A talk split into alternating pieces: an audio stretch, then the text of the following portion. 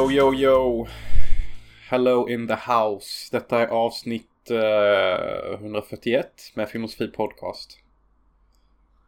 Du satte fan rätt där. Alltså grejen är att vi har ju faktiskt sagt fel nu. Det har blivit lite rörigt här för att jag kallade Oskuldspodden 139 och sen så kallade jag ju Strandbergspodden 139 när vi spelade Mm. in. Men så var det 140. Ja, skitsamma. Du har rätt. Det är 141. Med eh, oss som vanligt då Robin Möller och eh, Mr Jonas Hansson. Yes. Och eh, jag vet inte vad jag kan ge för intro till denna. Jag, jag älskar att göra om detta är första gången ni lyssnar så är jag dekadent regissör och Mölle är dekadent. Snacka om att dra ner mig bara. Ja, den dekadent, dekadenta regissören och den dekadenta. Det är som säger typ Alkisfyllot som faktiskt försöker göra film och Alkisfyllot. sorry, sorry. Eh, men jag vet inte hur jag kan göra introt. Alltså, det är inte så mycket som har ändrats. Jag, jag lever i London, Canary Wharf. Uh, jobbar alltid på min karriär på något sätt. Och Mölle Meck är uh, art, artistisk uh, kommunist uh, herre över sin gata där han bor. Vad fan menar du? Ja men nu har jag ditt place som är typ som Eric Formans Basement fast typ cleanare. Och så har du massa filmer Ja. och så har du dina LPs. Det är alltid god stämning. Det är, Ja, och jag, ja. jag skulle bara säga att jag, intro- jag uppskattar att du typ för tio avsnitten började göra de här grejerna. Att du ska introducera de nya lyssnarna. eh, För, för, vi- eller alltså berätta vilka vi är och så. Men det är ju inte så kul för de som lyssnar varje vecka. Bara, jag vet inte hur jag ska komma runt det. Så jag, jag försökte göra något kastskämt där med dekadent och dekadent typ. Eh, men ja, nu är ni, nu är ni up to date. Eh, ett exempel jag kan ge på att jag bor i London och jobbar på min karriär. Det är att jag eh, håller på att klippa en musikvideo. Till en riktig artist eh, med riktiga filmer och det är ett sätt att jobba på min karriär som klippare typ. Så det gör jag nu. Vad eh, är detta för artist? Eh, hon... Det skulle inte förvåna mig om du känner mig. Hon är typ discount Lana Del Rey. Fast svarthårig. Och ser ut lite som din syster. Så svarthårig ser ut som din syster sjunger lite som Lana Del Rey fast det är discount version. Har hon ett namn? Ja, och jag glömmer alltid bort hennes jävla namn. För Det är inget bra tecken för en Ja, artist. jag, kan, jag kan inte stava till det. Det är Garcia någonting. Och jag bara, nu måste jag gå in på min e-mail här bara för att kolla eftersom jag var tvungen att koppla ut Arvid. Uh, Arvid-boxen. Vänta, ska vi se min Gmail här. Jag ser att jag har sökt på Monica Bellucci films. we, we, we get to We're that. gonna get there. Ah shit, nu hittar jag inte det för att jag har... Men det är inte hon vi kom i kontakt med för åtta år Nej, sedan? nej, eller? nej. Galicia någonting. Galicia. Alltså det är bara det att det är så jävla jobbigt stavnamn och jag vet inte fan hur man uttalar det. Ja, men okej, det kan vi leta fram till eh, efter podden. Så du kan fixa fram det. Men hur som helst, eh, vadå har hon anlitat dig till? eh, detta? tekniskt sett så har hon ju anlitat världen. Kan man väl nästan säga. Jaha, okej. Ja, var det här du pratade om att alla fick göra? Ja, det är, det är liksom... Det är liksom motsvarigheten till en Bounty Hunter. Eh, he who gets the kill gets the cash. Ja. Här, det är lite som att hon har anställt hela världen. Den som gör den bästa redigeringsklippningen takes it all. Det är liksom så här vinnaren får betalt typ. Men hur, hur såg du den här annonsen eller så? Den dyker ju upp i mitt feed för att jag håller ju dagligen på med mycket redigeringsgrejer och sånt. Jaha. Och jag var med i en, en trailer competition de hade för typ två år sedan i LA. Mm. Och jag gjorde ett uruselt jobb på den. Men nu har de en musikvideotävling och jag har alltid varit bäst på musikvideoklippning. Så jag bara anmälde mig för att det är gratis såklart. Och eh, fan det är ju gött att vara tillbaka och klippa någonting som är 100% professionellt. Jag har aldrig klippt något som är 100% professionellt. Alltså alla klipp ser så här HD, bra ut, bra fokus, du vet. Trailern du gjorde, rikt- trailern du gjorde som du kallade fiasko. Är det den du gjorde Ice of the Sun och... Ja, det gick inte riktigt hem där. Jag vet inte vad jag tänkte med hela den. Fast du har ju faktiskt klippt professionellt material om vi snackar porr.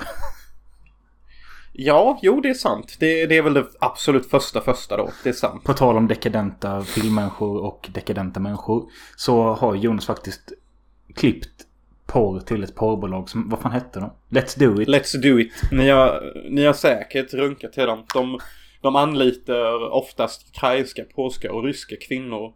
Med slanka kroppar och toppiga bröst. Och så... Det låter, ja, det låter som average porn. Distribute. Nej, nej. ja, slanka kroppar, toppiga bröst. Söta faces, du Ja. vet.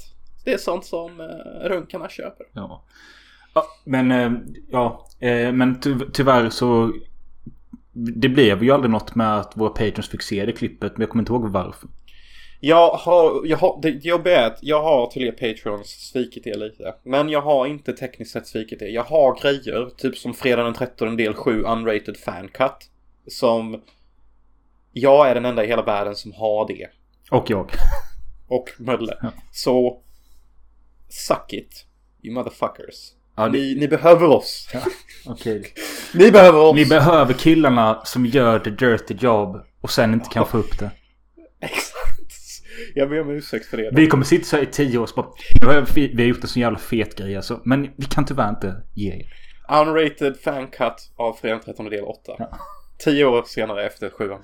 Nej men allvarligt talat. Jag, om någon vet hur man laddar upp klipp på Patreon eller vet en internetsida där jag kan ladda upp unlisted.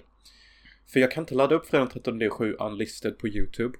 Men vet någon någon sida där man kan ladda upp hemliga klipp. Och- så säg mig. och det- Så kan jag göra detta åt er. Men jag kom på det nu kanske. Det är bara att göra så här att, eh, eller göra göra, men vi säger så här att. Okej, de som lyssnar på denna podden eller om det bara ska vara Patrons, det får ju du bestämma.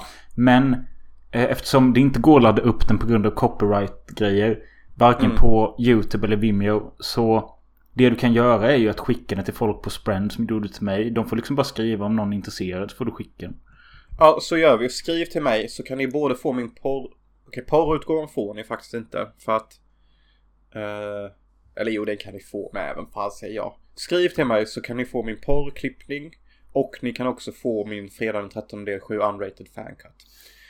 Eller alternativt att skapa ett Pirate Bay-konto och ladda upp båda där så får ni tillgång till eh, eh, länknedladdningsfilen om ni blir Patreons. Mm. För Eh, att båda de här cutsen kommer att ha ett hemligt namn. Det är inte så att jag döper Fredag 13 d 7 till Unrated Fan Cut. Den heter ju något annat. ja. Jason vs Tina har du kallat den. Ja, och nu, nu kan ju alla söka upp den på Pirate Bay. Jaha, du menar... Jaha, nu fattar jag. Nu, ja, ja. Skitsamma, den är för alla. Men eh, det var något jag skulle säga. Jo, det var det att jag vill inte tjata för mycket om Patreon nu. Men jag vill bara säga Nej. att eh, vi nådde ju vårt mål. Vi spelade in Oskuldspodden. Den ligger ute nu. Det är 80 minuter ren och skär skam för oss två. Eh, 80 minuters ren och skär nöje för er skull. Jättebra. Eh, jag bad min morsa inte lyssna på den. Gjorde du detsamma? Jag såg detta, jag blev så nervös för att jag och Jonas delar ju kontot Filmosofi Podcast på Instagram. Så ser jag att Pia Hansen skriver och jag bara fuck vad är detta? Och jag läser liksom bara på Ja. skärmen, jag går inte in på meddelandet. Det står det bara Kul att ni har fått så bra respons. Jag har inte hunnit lyssna än. Och jag bara oh Ja, my god. så jag nej. skrev till morsan då typ bara, alltså jag vill gärna att inte du lyssnar på detta, mor. Det finns vissa grejer en mamma inte ska veta om sin son. Och det är bara så det är. Och hon bara, jag förstår, jag ska inte lyssna.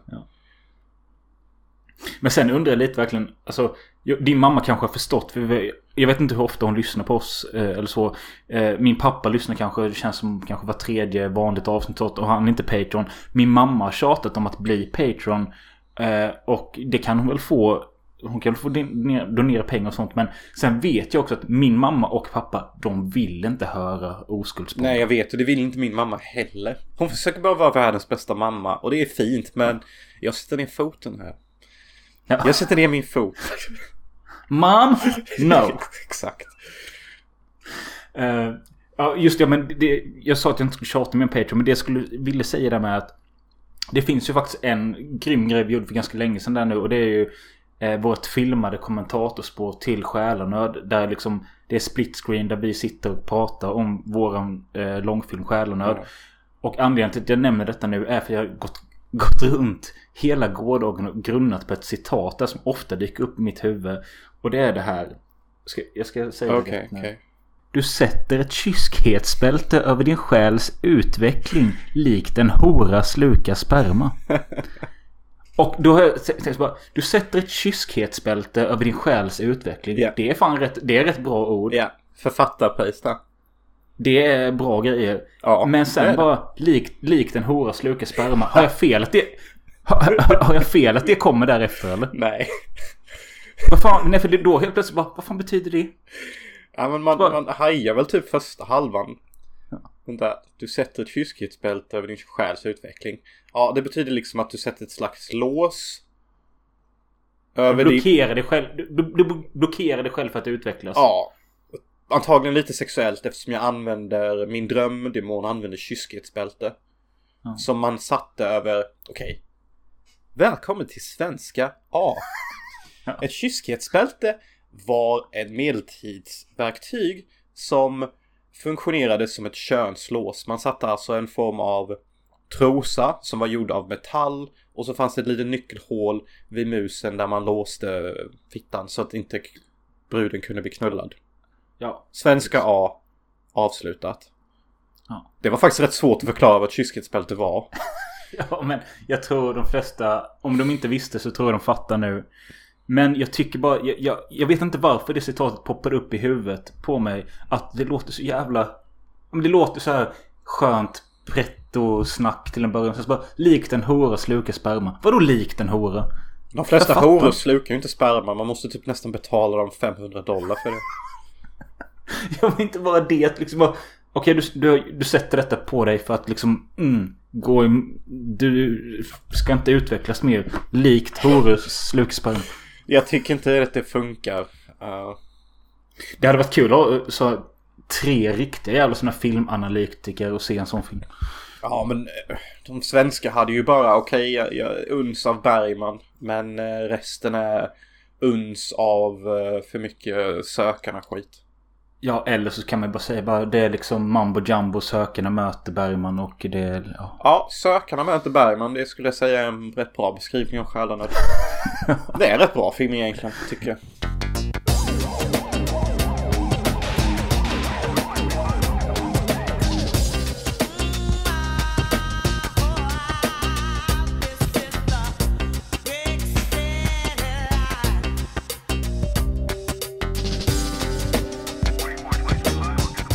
Du och jag pratar ju inte jättemycket under veckodagarna. Det är liksom så här bara, ja, jag såg den filmen nu, bara hur läget? Jo, det är bra, hej. Det är typ vår kommunikation på en vecka. Ja. Och det jag undrar är, vad gör du under den andra tiden? Under den andra tiden, nu de senaste två veckorna har jag i princip bara suttit och klippt på denna musikvideon. Eh, för att jag har inte klippt så mycket de senaste två månaderna. Så jag har fått lägga sjukt mycket tid på att bara komma in i the editing zone. Mm. Eh, Så det har jag typ bara gjort de senaste två veckorna och den senaste månaden innan jag började klippa musikvideon Då låg jag ju bara inne på mitt rum 24-7 Duschade knappt, åt knappt och såg Breaking Bad alla avsnitt Just det, det var lite av en depressionssvacka där. Ja, men jag tyckte jag gjorde ett jävligt bra beslut att se hela Breaking Bad om jag ändå ska vara deprimerad. Jag tycker det är ett ännu bättre beslut att du fortsätter Walter Whites historia genom Malcolm in the Middle. Ja, och se det som the prequel. det, det finns Nej, ju men- eh, kemisttendenser i hans karaktär i Malcolm in the Middle också. Vad är det? Hal heter han. Ja, how? Men alltså jag blev fett sugen på att se Malcolm in the Middle när du la upp lite klipp. Ja, you're not the boss of me now. You're not the boss of me now. And you're not so big. Life is, Life is unfair. Är det inte unfair? Unfair, jo det är det. Jo, alltså sju, sjukt bra serie. Mycket dynamik. Eh, mycket knasig humor. Alltså Hal flippar som fan. Han typ dansar runt nude i ett avsnitt. Och Alltså. hans kids typ rockar med. Ja, men jag tror den serien blev ju väldigt älskad för att den var liksom så här knasig som en vanlig familj kan vara. Bara det att vi hade inte sett det på det här sättet på tv innan. Nej, eh, ett ganska tydligt exempel man ser det är i första avsnittet när alla andra hus ser hyfsat rena ut. Så växer det typ så här gräsmatta på deras hus och deras, deras kök och levnadsrum och sovrum är stökigt som ett normalt hem. De är typ mini-hoarders så det var också någonting man inte hade sett innan. Det var ganska vanligt i tv-shower och, och filmer där familjer hade städade hem. Det var liksom en utopi. Det, det skulle vara lite bättre än vanlig verklighet. Och Malcolm in the Middle tog ner det till liksom... Ja, det här är normal nivå. Det här är typ så jävla medel det kan bli typ.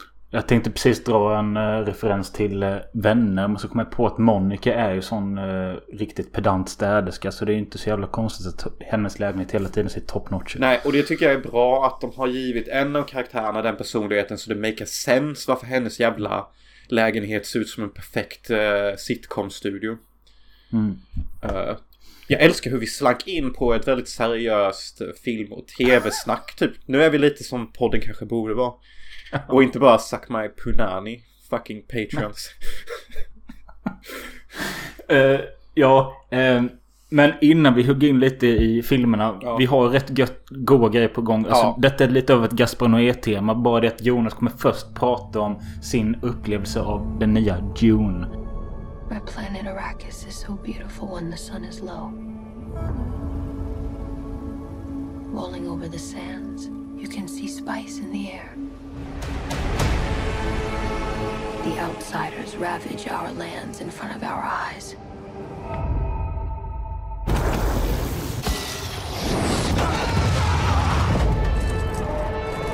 Their cruelty to my people is all I've known.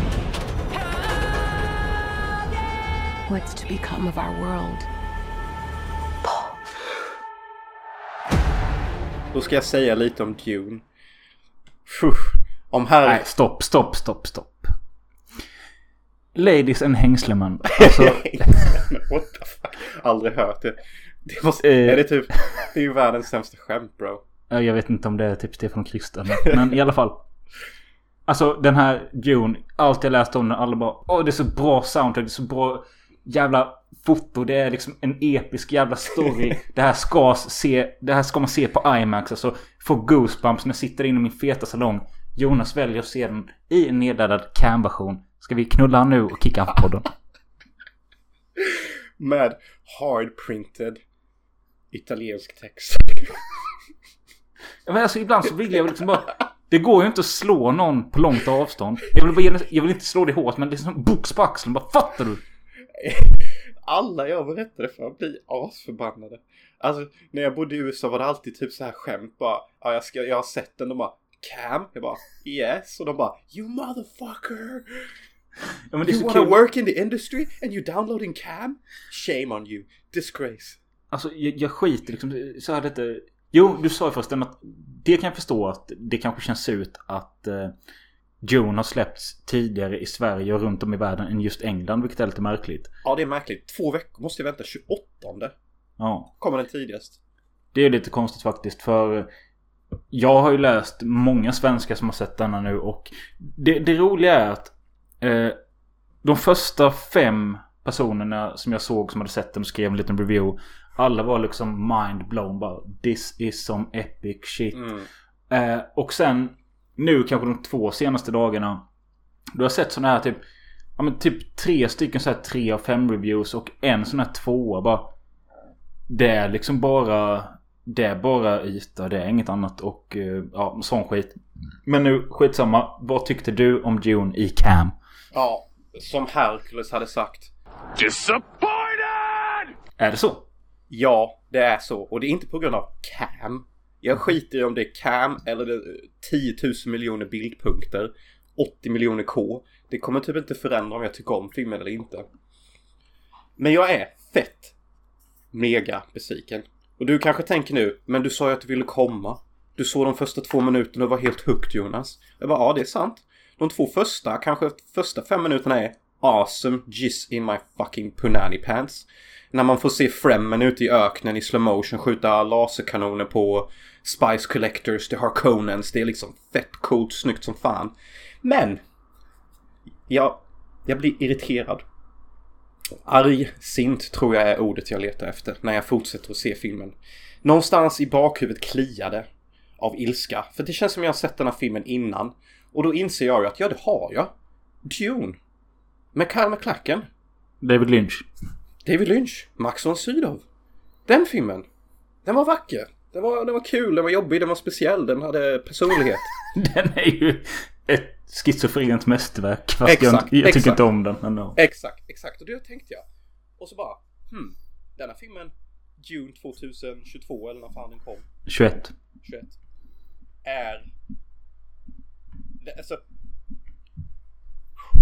jag är, det var länge sedan jag såg en film och faktiskt blev upprörd och tog det personligt. Men denna gången gjorde jag det. För att David Lynch och, och Kyle och alla de pågarna, de har ju gjort allt grovjobb. Eh, Men alltså, men, nej, men stopp här lite nu. För, vadå? Nu är det, den är ju faktiskt, det är en bok skriven av en man på 900 sidor ju. ja. Eh, jag har inte läst boken. Eh, Nej, Funderar men- på att göra det till när vi har vår ultimata Dune-podd. Men vad är det du menar då? Alltså, för grovjobbet, du menar att Lynch eh, skapade världen då som de har efterhärmat nu, eller vadå? Så här är det. Liksom, när man ser denna, uh, denna nya Dune så är det nästan scen för scen som i den gamla Dune. Fast utan all personlighet, utan allt det konstiga, utan alla knasiga karaktärer. Uh, The Harkonnen Baron. Du vet han som... Ja, ju den st- stora, feta, eh, svävande grejen. Ja, som har typ så här herpes i facet och typ Ja. våldknullar ihjäl en bög och, och, och dränker sig själv i olja. Han är nu spelad av Stellan Skarsgård och Stellan Skarsgård och The Creative Team, de bara Alltså, The Baron i originalet av David Lynch var lite väl mycket. Så vi tonar ner typ allting. Du har inget herpes i ansiktet, du är bara fet och du pratar som Apocalypse Now, Eh, han i slutet, majoren. Och så säger vi att du är en bov. Och jag bara... Okej, jag är upprörd. Jag kan inte ens prata om den här filmen. Så är det. Alltså, alla scener som är i original Dune finns i denna Dune. Bara det att allting är mycket finare. Alla dialoger är nästan the fucking samma. Så jag förstår varför denna filmen ser så fucking snygg ut. För att de gjorde knappt något jobb på manusarbetet. De gjorde knappt något jobb på hur scenerna är, bokstavligt talat. Uh, så all budget och all tid gick ju till att bara skapa visuella spektakel som alla suger av filmen för. Men den är skittråkig. För alla karaktärer är astråkiga. De har ingen personlighet. Det är inga skämt. Allt är brunt. Det är exakt som du sa Melle. Och jag hatar att du hade rätt. Men det är fan värre. Det är värre. Det, det, det är skit. Det är sand. Men Och det, det är skit det, du sa nu att det som jag sa med, och det, det var ju när Jonas skickade trailern till mig för ett par månader sedan. Och jag sa så här bara. Jo, det är säkert snyggt och så men det känns också bara som en eh, sci-fi film i mängden. Eh, något sånt sa jag. Men det, det, då får man ju ta in med att jag har... Jag har sett eh, Lynch Dune hela en gång. Försökt en andra gång men jag har inte klarat att ta mig igenom den. Och det jag känner är att liksom...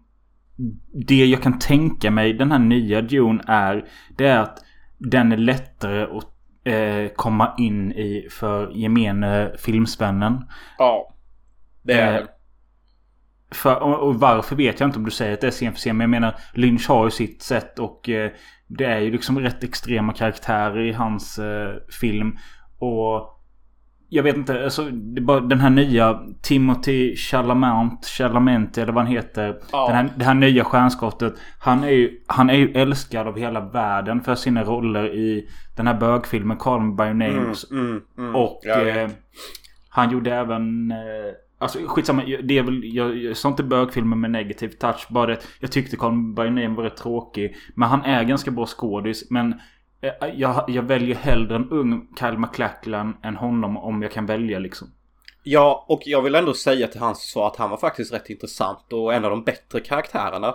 Och eh, det för mig hade inte spelat någon roll om de bytte ut Kyle mot honom eller vice versa. Dock måste jag ju säga Kyle, för att han är ju ändå Kyle. detect Kyle och han var ju med i Twin Peaks för fan. Ja. Den här jävla nya, jag vet inte. Nej. Men alltså Kyle MacLachlan är ju en sån kändis, eller en sån skådis som alla liksom bara Kyle MacLachlan, fucking Dale Cooper. Men sen så visst, han, det är inte konstigt att han alltid kommer bli förknippad med Dale Cooper oavsett hur mycket han har gjort efter det eller innan det. Men liksom bara ta sådana här småroller han har gjort i sitcoms. Jag vet att han har varit med i Desperate Housewives, inte sett. Men till exempel när han spelar The Major eller The General i How I Met Your Mother. Alltså det är ju... Ikonisk. Ja, man kommer ihåg honom därifrån med. Men han är lite som Bryan Cranston ungefär. Han är, är erkänd för sin roll Forever i Breaking Bad. Men Ja. sen så har han ju fantastiska roller i också How I Met Your Mother och Malcolm in the Middle. Vem är han i How I Met Your Mother? Han är ju en av eh, Teds eh, arkitektchefer när han jobbar på en firma. Ja. Han, han spelar värsta eh, så manipulativa aset typ. Ja, okej. Han typ såhär Ted, Ted, my wife is kicking me out. Och sen så snackar han skit om honom i typ eh, lunchrummet. Men alltså, det, jag tycker ändå detta är fucking intressant. För att eh, jag var så säker på att eh, nu ska jag sitta, Jon, eh, sitta och höra Jonas rabbla upp eh, scen för scen i Dune i Ja, en 15 minuter där han berättar hur mäktigt allt är. Och de slåss där och de slåss där. Och sen kommer de till den planeten. Där kommer den musiken. Bara jävla fuck me. Jag önskar att jag kunde vara sån. Men det är totalt... Alltså, vill du höra vad jag gjorde? Jag snabbspolade mot slutet. Nej, Jag spolade. det är sjukt. Ja, för liksom om det ändå är scen för scen då vet jag ju alla känslomässiga klimaxer som kommer komma som Dune eller vad fan han heter som gjort den här filmen inte har lagt någon energi på att ändra. Han har inte försökt göra någon ny story. Sa du att han som gjort filmen heter Dune? Ja, eller vad fan han heter. Dennis Vilvieri eller något. Denis Villeneuve. Ja, det var... Fan, han kunde lika gärna heta Dune. Har ni sett Dune av han Dune? Eh, dock vill jag säga att hon som spelar Fremen, är hon svart, är hon vit? Vem fan vet? Och hon är med i Spiderman, de nya som Mary Jane. Sienna, hennes namn stavas med ett fucking C. Eller ett Z menar jag. Ja. Hon spelar ju The Fremen Rebellion. Och hon är typ bara med en minut i början och så en minut i slutet. Och hon är sexig att titta på och cool att lyssna på. Så jag har mer förtroende för att Dune 2 kommer bli en bättre och mer annorlunda film. För att där den här filmen slutar, då är det ungefär en timme, kanske 50 minuter kvar på David Lynch Dune. Ja. Och det är den jag, intressantaste jag läste biten. Att, jag läste att typ första filmen slutar med End of Part 1 eller något sånt. Ja. Och jag bara... Ah, jag, jag fick fan hjärnsläpp ibland. Alltså, jag ser en scen och så bara tänkte jag, va, vänta, vänta nu, har de klippt in David Lynch scen in i denna? Så bara, nej, sladdarna ser lite annorlunda ut. Men annars är det samma vinkel, samma panering, samma klippning. Och jag bara undrar, vad fan har du gjort till att tillföra till Dune-universumet egentligen? Förutom att göra det prettier. You fucking hack. Intressant ändå. Vet du vad jag att säga det? Tänkte, jag är så inne i vår egen film. Intressant att du säger så. Alltså, jag kan ju respektera folk som ger den 5 av 10 högst. Mm. Högst. Eh, mest för att jag tycker det är så brutalt när jag jämför hur mycket roligare Lynchs film är. Ja, jo men eh, ja, jag förstår detta för att eh, jag kan tänka mig att, även jag som jag sa, jag gillar inte Lynch eh, Dune. Det är enligt mig typ hans sämsta film och eh, för mig är den jättejobbig att ta sig igenom. Men jag kan också förstå vad du menar. Du säger att den är roligare och har det här. Den är lite färgglad. Den har verkligen så här serietidnings eh, karaktärer. Ja, och sen så har den alla random voiceovers. Ja. Oh, he is a duke of honor. Och så typ alla karaktärer får en egen voiceover. När som helst. Och jag vet, ja, sen, jag, det, kom, det satte sig verkligen första gången man såg den när jag gick i typ 8-9. bara, Spice. Ja, eller hur? Spice. The usually genetic producted of Iraqis. Och sen då när internetdrogen Spice kom så gick det ju inte att tänka på det heller. Nej, exakt. Exakt. Spice-eran var rätt tung för Hyltebruk. Det är Spice på riktigt det. Det var tungt som fan. Eh, jag ska bara säga, eh, vi, måste bort från Dune, men jag måste bara fråga dig. Jag har hört bra grejer om svenska Rebecca Ferguson. Ja, hon var också duktig. Man kan verkligen se att hon eh, är en mor. Och eh, ja, kan aldrig snacka skit om en mamma oavsett om hon är skådespelare eller inte. Men eh, hon spelar alltså Kalmar Timothy Klackens mamma. Ja, ja. Ja, så, men alltså det, det jobbiga när man har sett originalet, alltså det är ju det att det är inga surprises nowhere. Inga Nej. alls bro. Och... The Righteous! Jag menar liksom, vi har ju sådana klassiska kommentarer. Vi har, vi har Chucky-skådespelaren, vi har Brad Kyle, Reef. Ja, vi har Max. Vad heter han med? Han är med också. Sting. Sting, det är han som säger The Righteous! Ja. I'll kill you now with my knife. The Emperor's Blade. Alltså, det gamla Lynch är som att titta på Oblivion the Movie. Alltså, det är that level of weird acting typ. Eh, nej men alltså, Men, fan. ja men alltså så här då. eh, Gamla Dune är liksom en, en go 80-talsrulle medan den nya är liksom lite för perfekt kanske. Ja, den är för perfekt. Och den vågar inte ta konceptet i nya riktningar. Man kan ju liksom tänka sig när man får händerna på typ världens mest kändaste bok. Som redan har etablerade tv-serier och filmer. Att man ska göra något eget. Som kanske går någon annanstans och inte bara använda en blueprint of old. Blev det en tung spliff efteråt? Ja. Ja. Och ja. Ja, jag blev faktiskt sårad. Dune sårade mina känslor och det gör lite ont när jag säger det. Men det är Ja. sant. Fuck you! Fuck you!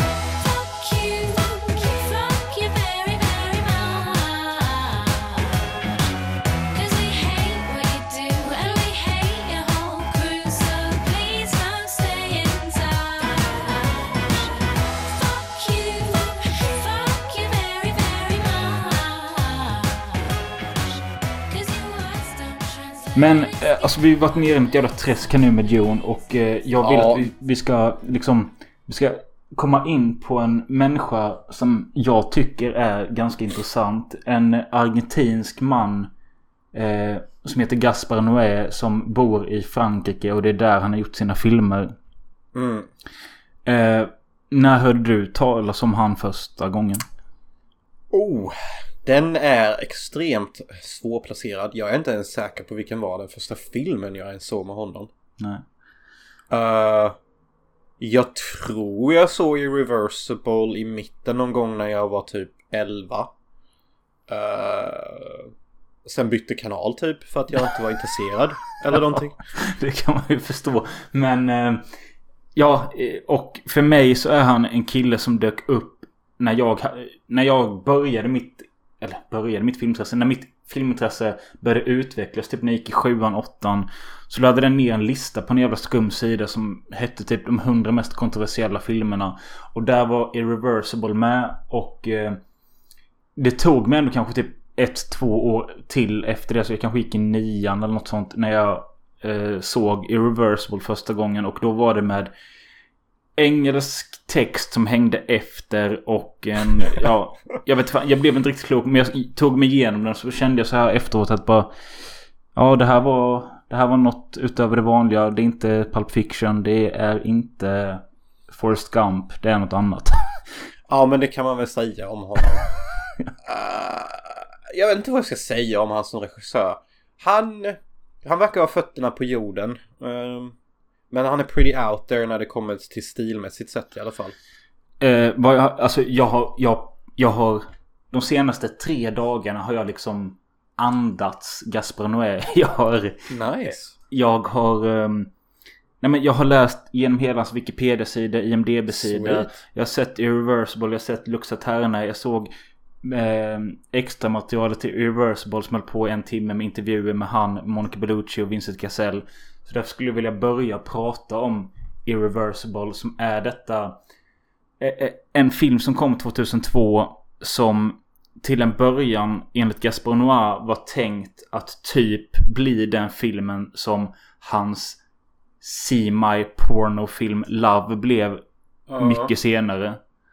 Irreversible snackar de nu. Ja, precis. För så här, så här. Alltså det är så, jag, jag är ju helt fylld av hans ord i huvudet nu efter jag sett. Jag såg först den här dokumentären om Irreversible två gånger. Eh, eh del, alltså delvis för att jag var så jävla trött första gången så såg jag den idag igen för att den satt i DVDn och så bara ja. Eh, men i alla fall. Han hade en idé att eh, jag vill liksom göra en film som är billig att göra. Det ska göras i Frankrike. Eh, och jag vill jättegärna ha Monica Bellucci och eh, Vincent Cassel i huvudrollerna. För de var ett äkta par just då och Mhm. eh, de var väldigt, alltså de var ett sånt hett par, du vet som man säger. Brad Pitt och Ange- Angelina Ja, Jolie. men eh, Monica Bellucci är ju erkänd som kanske den vackraste kvinnan. Plus är hon Puma. Ja, men nu snackar vi 2002 och ja men ja absolut jag säger inte emot något. Men de var liksom, de var Frankrikes Brad Pitt och Angelina Jolie under tiden. I buy it. Eh, och eh, då hade han, han hade börjat skriva ner på ett papper. För han hade sett filmen Memento som går lite baklänges och hoppar lite i tiden och sånt. Ja. Plus att han hade sett någon pjäs som handlar om någonting annat. Och så började han skissa lite på ett papper. Eh, och det här pappret resulterade i tre stycken A4-papper. Och han kontaktade Monica Bellucci och eh, Vincent Cassell. Och sa att här är en film jag vill göra. Så bara, ja har du manus eller något? Bara, Nej, här är manuset och det är tre sidor. Så de bara, ja okej så läste de det bara, okej vi är på. Fick han med sig dem och sen så gick han till någon jävla producent eller något och så sa han bara det här är vad jag vill göra och eh, här är vad jag har. Och så var det de här tre sidorna med manus där liksom Filmen Mm. består av 14 scener. Han hade skrivit ungefär fyra rader om varje scen. Mm. Eh, och på något jävla sätt så lyckades han eh, få den här produ- producenten att köpa idén. Eh, och sen hade han i princip fria tyglar till att göra vad han ville med de här tre sidorna. Och han utvecklade det tillsammans med skådespelarna på plats. Alltså mycket av dialog är in, eh, improviserad och eh, ja, eh, där är vi och vad handlar filmen om? För det första måste jag bara säga att jag tycker sånt här är så jävla kul att lyssna på. Jag, något, något jag aldrig tröttnar på är att höra hur en filmregissör får sin film budgetiserad och vart det startar. Mm. För jag tycker det kan ge så många fucking idéer. Men ja, skitsamma. Ja, Filmens men, ja, men det, det är intressant, int- intressant att du säger det. För att här kan man ju säga att han började nästan åt eh, annat håll. För i andra fall så skulle man kanske gått till en producent eller ett bolag först. Här gick han till att försöka få de heta skådisarna i Frankrike just nu. Och när han fick dem, då kan han sälja in det. Liksom. Exakt, och det visar ju bara att det finns så jävla många sätt att få pengar till sin film. Mm. Jag tycker en av de bättre exemplen är när Sin, Sin, Sin City-författaren sa nej. Så... Uh, uh, vad fan heter han? Robert, Ro- Robert Rodi- Rodriguez. Robert Rodriguez eh, spelade in en, uh, en av de kortaste scenerna som är med i filmen. När uh, han när mördaren mördar en person med ljuddämpad pistol. Den här kvinnan med gröna ögon och röd klänning. Ja, ja, men, Det är, ja. bara, det är bara en mordsekvens som pågår i typ två minuter. De spelade in den scenen, visade för sin cityförfattaren, sen sa han ja. På grund av det visuella typ. Då. Ja, på grund av det visuella och hur just den scenen såg ut. Och så sa Robert Rodriguez, detta är typ så här jag tänker hela filmen ska se ut. Här har du ett exempel. Och efter det han bara, ja men alltså jag är typ såld. Detta funkar asbra typ. men ja, så- vad handlar filmen om? Uh, filmen går baklänges. Och, Vill jag bara eh, trycka men, in det- men det betyder... Eh, men alltså okej, om man lyssnar så här långt och liksom inte vet vem Gasparon är så det betyder inte att man trycker reverse på en knapp och den spolas baklänges. Utan det är scen för scen. Den börjar med en slutscen och slutar med en öppningsscen. Exakt, så så är det hela tiden. Tänk er att alla scener spelas upp som vanliga scener. De är bara lagt I fel ordning. I, i motsatt ordning. Och eh, jag tycker faktiskt att okej, när, man, när man lyssnar på detta tänker man att detta kommer bli sjukt rörigt. Men nej, det är typ bara 14 scener och trots detta smarta knep av att ha alla scener gå i motsatt riktning eller vad man ska säga. Så den spelar fortfarande upp som en, eh, en normal film.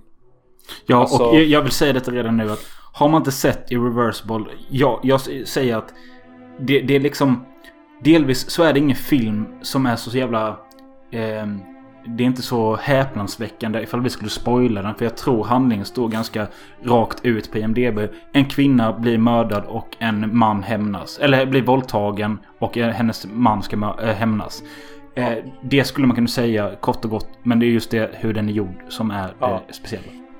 Det finns en jättelång rape-scen som är typ fem minuter. Och sen finns det en ganska lång mordscen på två minuter när någon får sitt face inbankat med en fucking eh, fire extinguisher. Jag vet inte det svenska uttrycket. Brandsläckare. Brandsläckare, Och tack. vi kan la börja lite från början för jag vill verkligen gå igenom, kött igenom den här filmen för att så som den börjar här med den här... eh, Först så tänkte jag så här att jag hade ett minne av att den börjar med massa hetsig text och en roterande kamera hit och dit och att man blev lite åksjuk av det. Så bara när jag ser de första typ så här ja men fyra, fem minuterna så bara, nej men det här var inte så farligt. Sen så kommer vi då till det här, eller vet, kanske innan det. Vi får en öppningsscen med eh, två gubbar som sitter och snackar. Där den ena gubben erkänner att eh, han har knullat med sin dotter. Mm. Eh, och det är ju en karaktär från Gaspar Noés förra film I Stand Alone. Mm. Eh, vilket jag, den har jag också sett men jag minns inte någonting från den. Ah, den är inte så bra. Nej, men i alla fall det är liksom att de hör ett ljud ner från gatan. från en bögklubb som heter Rektum. Och där ut kommer då eh, Vincent Gasell på en bår och eh, jag, jag känner bara att sen, sen så då då har vi redan då trodde jag att vi hade haft det här, den här, de här jobbiga kameraåkningarna och det här pulserande ljudet och allt det här som liksom kan få en att känna sig lite yr i huvudet. Men Mm. det kommer ju efter 5-10 minuter när de går in på den här klubben. Det håller ju Mm. på hur länge som helst. Gaspar gillar att tortera sin tittare. Han uppskattar gärna att ha epilepsi också så att du kan dö när du ser hans film. För då får han jättebra uh, snack om sin film. Okej, nu snackar jag lite elakt om Noir. Men han gillar att tortera sina tittare. De där jävla wobbliga kameraeffekterna som får en att känna som att man är en själ som bara flyter omkring i en scen. Hull om buller, det är jättesnyggt. Men man blir fan illamående. Ja, och det är tydligen gjort så på så pass sätt att förutom det här tydliga ljudet som går liksom låter. Det låter ju så hela tiden ju. Ja, som insidan av mitt huvud när jag har spränghuvudvärk låter det. Eh, utöver det ljudet så finns det ett annat ljud som ligger mycket lägre. Någonting som låg så här på... Vad stod det? Jag kan inte siffror. Men 20 Jag vet. här. Han har valt obekvämshatsen. Ja, precis. Eh, och den ligger under detta.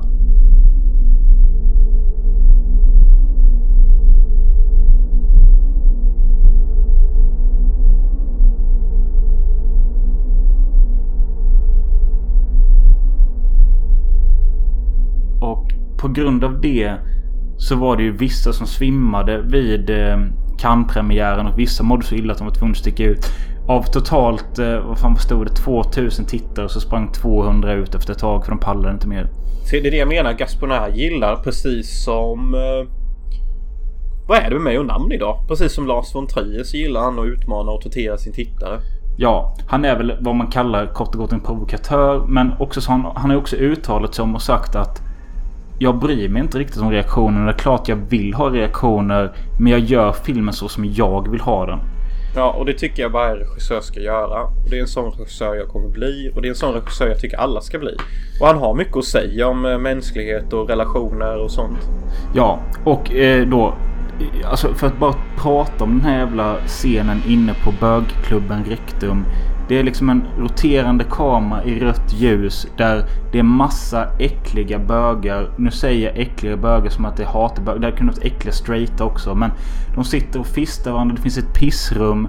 Eh, det, det, han träffar någon kille som bara ber om att bli fistad hela tiden. De är höga på poppers och säkert andra droger. Och jag, jag känner att jag hade velat dö. Eller jag vill inte dö där inne men jag, hade jag varit där inne vill jag dö liksom. Det Ja, känns jag så jävla smutsigt gör det. Alltså, Ja, jag hade aldrig velat vara på en sån hård bögklubb. Jag hade inte velat vara på en bögklubb överhuvudtaget faktiskt. Och det roliga är att den här bögklubben är en riktig bögklubb i Frankrike som heter Club någonting annat. Club Gasponet- Rectum. Ja, nej men Gasponet döpte om det till Rektum och eh, bad sin cinematograf eller vad fan det heter att eh, det kommer vara alldeles för mörkt här inne. Vi måste få in lampor. Och då gjorde han 60 stycken eh, glödlampor som han spraymålade rött själv. Och sen satte han upp det inne i lokalen och det fick bli det ljuset som finns där inne liksom. Eh, och det bidrar ju också till det här att du ser liksom lite vad som pågår men egentligen inte alls. Eh, Och det finns ju en, en snabb sekvens så sitter någon eh, bög då och runkar och det är ju Gaspar Noé själv. eh, Ja. Så det, ja. Jag vet inte vad man ska säga om Gaspar Jag har ju sett nästan alla hans filmer och... Han är väl konstnärlig. Men det är det jag säger. Det finns ju, det finns ju, eller det finns ju regissörer som kallas regissörer och så finns det regissörer som kallas autörer. Han är ju en autör. Det är ju det han är. Han, han, han, tar, tar, han tar film väldigt seriöst. Han kallar det också en konstform. Det är väldigt ofta hans karaktärer säger skit om andra filmer. Typ som att jag kollar inte på filmer som bara är gjord för entertainment skull. För att det är skit. Men visst, andra får titta på det. Jag bryr mig inte. Själv så tycker jag att en film måste säga någonting. Alltså precis som Bergman så lär man känna regissören via hans karaktärer. Vad de Mm. säger. Precis. Och eh, kul att du drog en parallell till Bergman. För att långt, långt, långt sent i filmen, det är bara en snabb instickare här. Så sitter det på en vägg i Monica Belushis lägenhet en svensk poster av filmen Repulsion. Jag spolade tillbaka och pausade igen. Jag bara, vad fan är detta? Så stod så bara, äkta skräck i en lägenhet. En svensk tyckte- poster på Repulsion. Ja, Fan vad kul. Repulsion är ju en svartvit lägenhetsskräckdrama av uh, Polanski. Polanski. Fan, kan jag komma på något namn direkt? Nej, skitsamma. Vi är inne på rektum och så eh, leder det fram till att eh, Vincent Cassell... Just det, det tyckte jag också var intressant att mycket av det här röriga kamerarbetet, kameran snurrar runt och vrider sig hit och dit. För att palla med det så har Gaspar Noé erkänt att han var tvungen att ta kokain för att han orkade inte hålla kameran. Så han tog kokain för att vrida och orka filma. Det förstår jag. Sann autör. Eh, Men jag ser upp till sådana som han för att han liksom går in så mycket för sin film och sitt filmskapande och han har också fått budget på ett väldigt okontroversiellt sätt. Ja, Och jag måste anamma sånt här in till mitt egna liv och lista ut hur jag 2021 ska få en eh, lesbisk actionfilm producerad. Likt han år 2002 tänkte hur fan ska jag få med Monica Bellucci och Vincent. Men ja, det verkar ju gå som smör på bröd.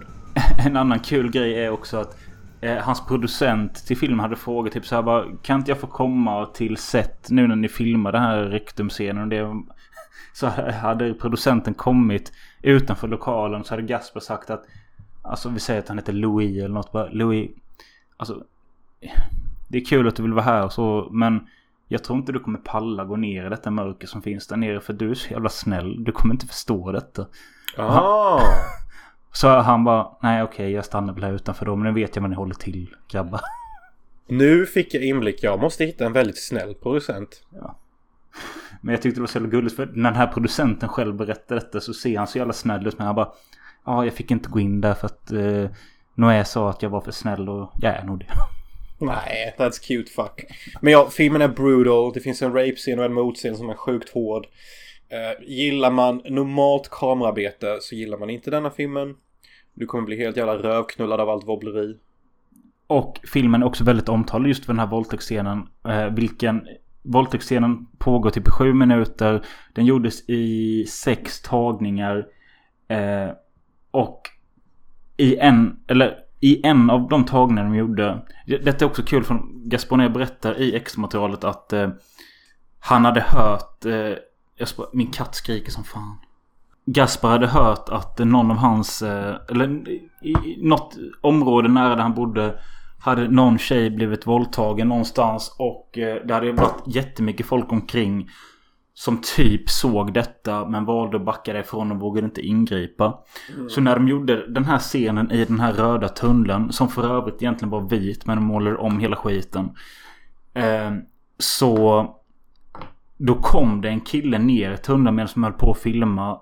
Och det ser man i filmen. Det kommer ner en kille i bakgrunden. Ja, det ser man. Och han ingriper inte. Och sen går han upp. Och det är inte skriptat. Det är en vanlig kille. Såg han kameran tros? Det vet jag inte. Men det, det som var lite roligt var att det som är i den, i den katten när han kommer ner. Mm. Var inte själva katten de använde till hela rape-scenen. Utan det merchat bilder liksom. Fast det är en ganska statisk bild under våldtäkten. Så har de merchat in den bilden från en annan tagning. Väldigt imponerande för man märkte inte att det var ett klipp. Nej. Snyggt gjort. Ja. Eh, Och jag för tycker det... mig... Ja men jag skulle säga jag tycker det gör jävligt mycket med att den här bögvåldtäktsmannen Han ser ju äcklig ut. Ja. Tycker jag. ja. Det gör han. Han är ju en rapist liksom. Jo, men ja, vad skulle du säga? Alltså jag känner att jag kunde prata om varje scen men vi behöver inte göra det för det ska ta för lång tid. Vad vill du säga? Uh, alltså jag är inte så kär i denna filmen som du är. Jag Nej. tycker typ denna filmen är en helt okej 3 av 5. Jag har egentligen inga klagomål. Det är bara det att för mig är detta inte en film för mig. Alltså... eh, jag älskar dock de sista 10 minuterna asmycket. När, när Monica Bellucci får reda på att hon är gravid. Sorry spoilers, men typ inte. Och sen så har vi den här konstiga sekvensen ute på gräsmattan med alla barnen och det är så drömskt och det är så utopiskt. Jag har ingen aning vad som hände. Eh, så för mig är de sista 30 minuterna riktigt asbra. Jag gillar när filmen lugnar ner sig. Eh, ja, det kan man uppskatta verkligen att filmen får ett annat tempo där eh, efter den här våldtäkten har hänt och man får se hur kvällen har varit innan. Ja. har varit på fest. Vincent Gasell har varit odrägligt full och hög och bara jobbig. Det är Eh, lite kul med en sån här film att se typ, okej vi får se allt det hemska. Men hur var de innan det? Och finns det kanske några ledtrådar på varför det blev som det blev? Istället för att man får se hela resan kronologiskt får man se den baklänges och få ett annat perspektiv typ. Ja, och det jag, tycker, jag, tycker, jag tycker om det med att eh, de är ju tre huvudpersoner och det är Monica Bellucci, hennes ex-kille som hon tydligen fortfarande polar med, som är polare med hennes nya kille som är Vincent Cassell. Ja. Eh, och de tre hänger och det jag tyckte, kände nu var att varken ex-killen eller Vincent Cassell får någon form av sympatiska drag. Egentligen jag stör mig på båda rätt mycket. Båda är typ odrägliga och inte så nice. Nej. Monica är väl precis som alla kvinnor på hela jorden typ helt okej. Eh, Ja. Alltså egentligen tycker jag inte man kan snacka så mycket skit om kvinnor. Jag tycker typ de flesta kvinnor jag möter är rediga och de flesta män jag möter finns det så jävla mycket att jobba på. Du sa att du gillade det här lugna slutet när hon ser att hon är gravid och att Ja. det, det fejdas ut på den gräsmattan till fin Ja. musik och sånt. Ja, så jävla härligt.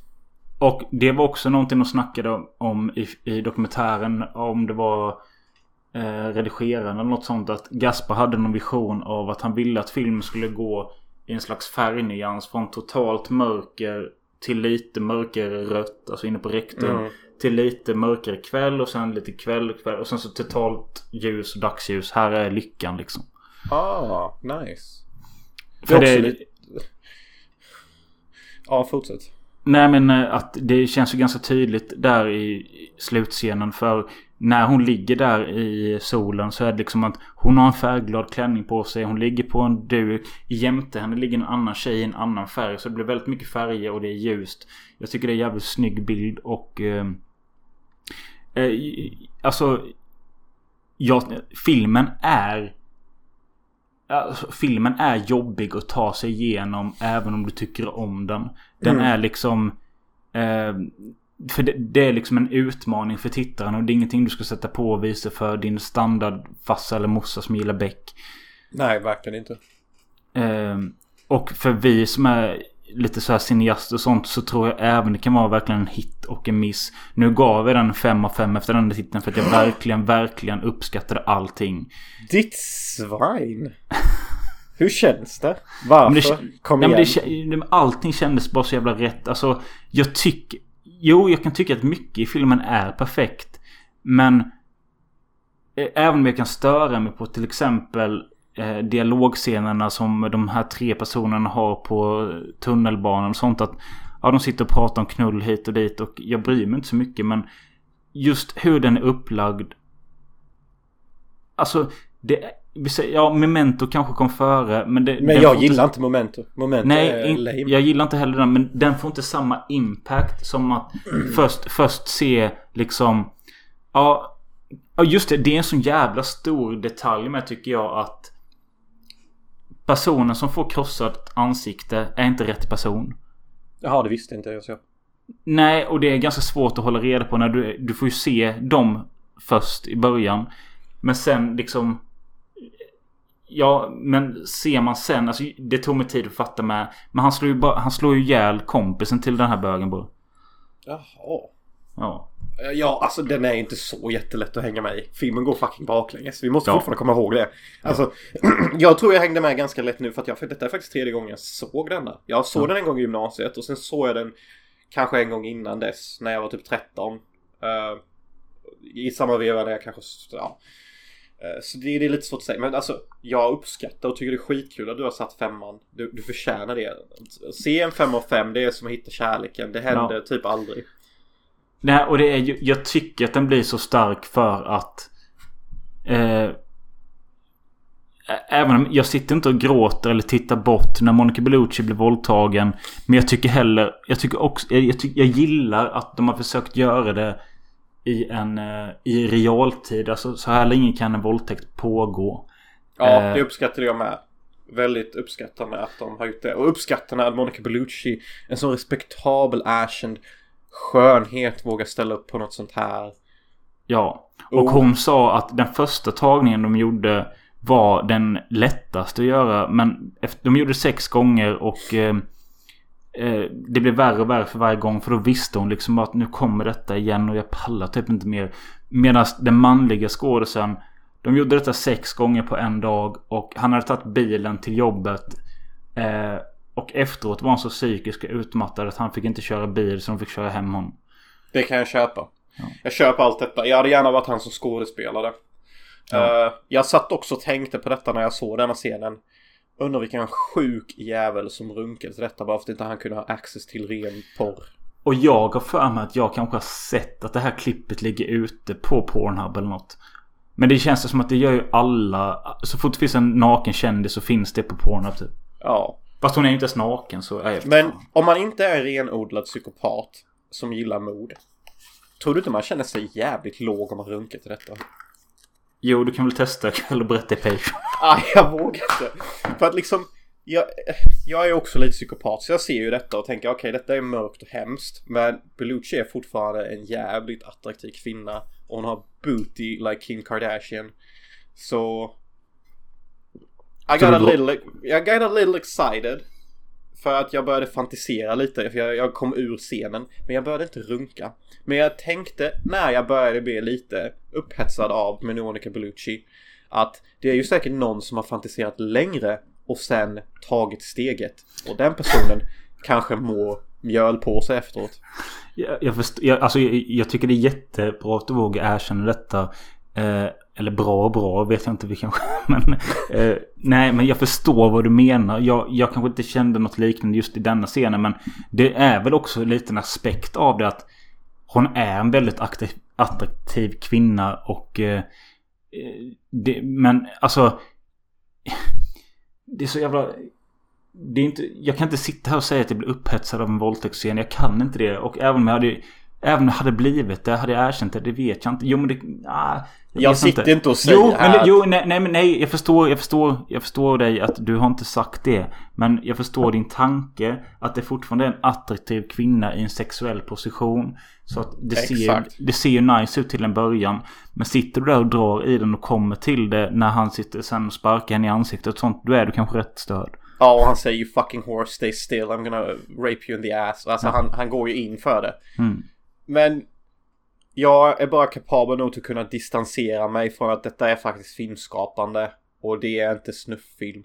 Nej. Så den dis... Den disconnection gör att jag kan själsligt tillåta mig att börja tänka i de här banorna. Men jag vet att det finns en liten jävel där ute som har runkat detta och mår mjölpåse. Och jag vill bara säga till honom om han lyssnar att det är okej. Men gör det inte igen. Du kommer fan. må lika dåligt. Ja. Du behöver inte heller berätta för någon. Men alltså för det är fan. ju- ja, men det är någonting, det, alltså det finns ju till och med någon form av porrsubgenre som heter typ rape play eller något som skit ju. Ja, Och jag vill inte gå ner dit just nu. men- nej inte jag heller.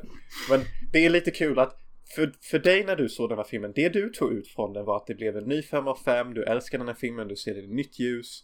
Det jag tänker på är, vem har runkat där denna scenen kom fram ur mörkret och ashen. Det är vad jag tog ut från denna filmen. Ja, och det är fan, en- det är fall mer intressant än att jag säger att den är 5 och 5. Men man kan egentligen inte säga varför. Exakt. Men, klippa jo, men jag kan säga varför. Det är för att jag tycker att Okej, bortse från att Vincent Cassell och Monica Bellucci är ett, var ett riktigt par. De skilde sig 2018 om jag läste rätt. Skitsamma, men att det blir extra starkt att eh, man ser våldtäkten, ser festen innan. Festen innan så känner man ingen sympati för Vincent Cassell för han är bara en neddrogad hora som försöker hångla med andra tjejer. Ja, när han har Monica Bellucci. Vem hade gjort det? Är det där tappar filmen realism. Nej men den gör inte det för att män Nej. är svin och de Ja. typ De tänker inte ens på att de har typ världens snyggaste tjej. Jag tror Efter ett tag så bara försvinner det i huvudet och de ser andra snygga kvinnor. Alltså män Män Sprider säd. Men, men, men, men, men, men, men. ja det var nästan den. Men män sprider säd och ska vi gå emot det så går vi emot vår natur. Men Society tells us Jag vet inte vad jag är på väg med detta. Men Nej, men ja, jo, det, efter detta då när, när vi kommer till slutet slash början av filmen. När vi ser att eh, eh, Monica och Vincent har en fin mysig stund i deras säng. De ligger och pussas och de eh, pratar om livet och hon säger att hon är sen mens och allt det här. Det Röker tycker... cigg. Nice Ja. fan. Och det känns så jävla franskt. Det känns så jävla sexist, sexigt. Det känns ungkärt. Det känns Ja. fint. Um, ungkärt, nykärt heter det. Men i alla Mm. fall. Det, tyck, alltså, det är ju så man ska se filmen. Att det är ju så det blir starkare sen ju. Alltså fattar du vad jag menar? Alltså utan det här i slutet så funkar... Alltså då bryr man sig inte så mycket om våldtäkten. Fattar du? Eh, Ja, våldtäkten är stark i sig. Men Mm. den blir ju starkare när du ser början. Eller slutet av filmen. Men om du kombinerar argumentet så känns det nästan som det. Det har inte spelat någon roll om filmen var i normal ordning. Jo, åh. men jag, det jag säger är ju att det är ju därför det blir så jävla bra eftersom att filmen lugnar ner sig efter våldtäkten. Men Och då får det man de se här- hur fint det var innan. Ja, och, Och det är gör det extra sad. Ja, precis. Och det är därför filmen är så jävla bra. För att För att man vet att hon blev rapad. Ja, och hur allting gick åt helvete sen. Men det finns ju också på min eh, Blu-ray jag köpte från Njuta Films som släppt nyligen. Då innehåller den Original Cut, vilket är den vi har sett. Och sen så innehåller den Straight Cut. Eh, där den är klippt i från början, alltså som den, ja, en normal ordning. Den hade jag velat se. Jag Jag funderade på om jag skulle klippa den själv men så har de redan gjort det. Och det roliga är att eh, direkt efter jag såklart Original Cut tryckte jag play på Straight Cut för ville se hur den började. Sick. Och det kändes så jävla sjukt att precis ha sett Monica Bellucci ligga i slutet av filmen där i den här ljuva sommarmiljön. Mm. Och så bara börjar filmen med det samma sak. Och jag bara... Det här kommer bli en helt annan film. Men Ja. jag tror inte den kommer tjäna på det. Nej, hur hanterar de alla övergångar eh, från scen till scen? Nej men jag, jag såg bara två minuter så jag vet inte. Okej, för att jag som redigerare är ju enormt intresserad hur de hanterar den lilla detaljen. Jag tror straight cut är typ sju minuter kortare. Så det är någonting de har gjort i alla fall. Jag vill gärna se hur de hanterar de övergångarna. För att du kan inte bara flippa om alla scener i rätt ordning och call it a day. De övergångarna i denna filmen är imponerande. Inte på det sättet att Highlander har imponerande övergångar. De är sjukt fina i Highlander. Här är de liksom naturligt flowy. Uh, ja, jag vet inte ens hur jag ska beskriva det. Det är bara bättre. Det finns en, det fanns en bortklippt scen på extra materialet också. Och det var en eh, roterande kamera som snurrade runt, runt. In på ett sjukhus och närmade sig Monica Bellucci på intensivcare. Där hon låg helt sönderslagen. Och sen var den scenen slut. Jag tror den skulle kommit någonstans i mitten där. Ah, I ser. I ser. Eh, men den kändes också meningslös när jag såg den som bort. Men skitsamma. Jag älskar Irreversible. Det är ett verk som inte är för alla. Men när den väl klickar rätt som den gjorde för mig denna gången. Så är det en upplevelse som jag önskar många hade vågat ta sig till att liksom ge chansen. Den kommer kanske fejla också. Jag tycker det är jättekonstigt egentligen att Jonas sitter här och ger den en 3 av 5. För detta känns som en 1 av 5 eller en 5 av 5 film. Fattar du? Äh. Ja, men jag är... Jag, jag, jag har ju heder. Jag är ju en riktig filmtittare. Ja, ja, du gav ju bara en 5 av 5 till. Vad fan var det? Det var inte riktigt jävla. Debs. Ja, Debs typ. ja. Leps, lesbisk spionaction på skolmiljö. Någon gång ska That's vi a göra en five out of five. Någon, någon, gång ska vi, någon gång ska vi göra en podd som bara heter Jonas 5 av 5 film. Det jag hade gärna gått igenom dem. Nej men alltså jag...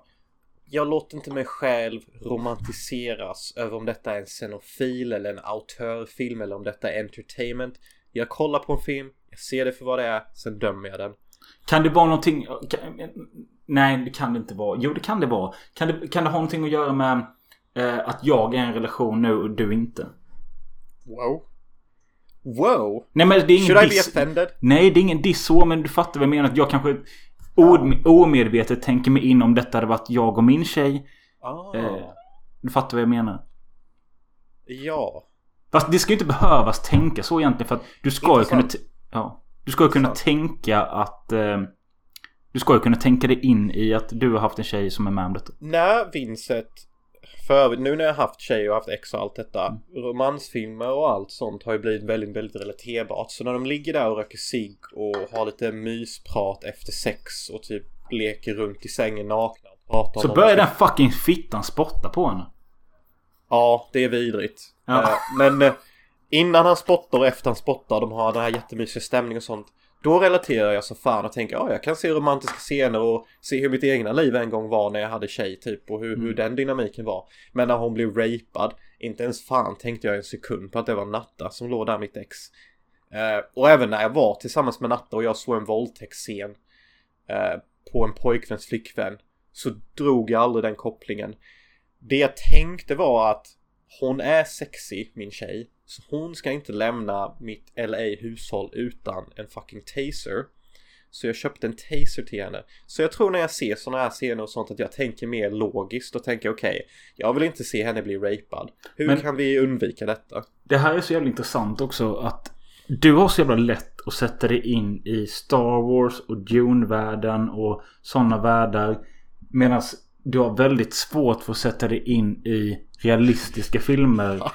Ja men du har ju det, du har ju det och liksom jag, jag kommer ihåg när jag sa att eh, jag precis hade sett första Before Sunrise och rekommenderade den till dig typ första året i gymnasiet och du bara Ja.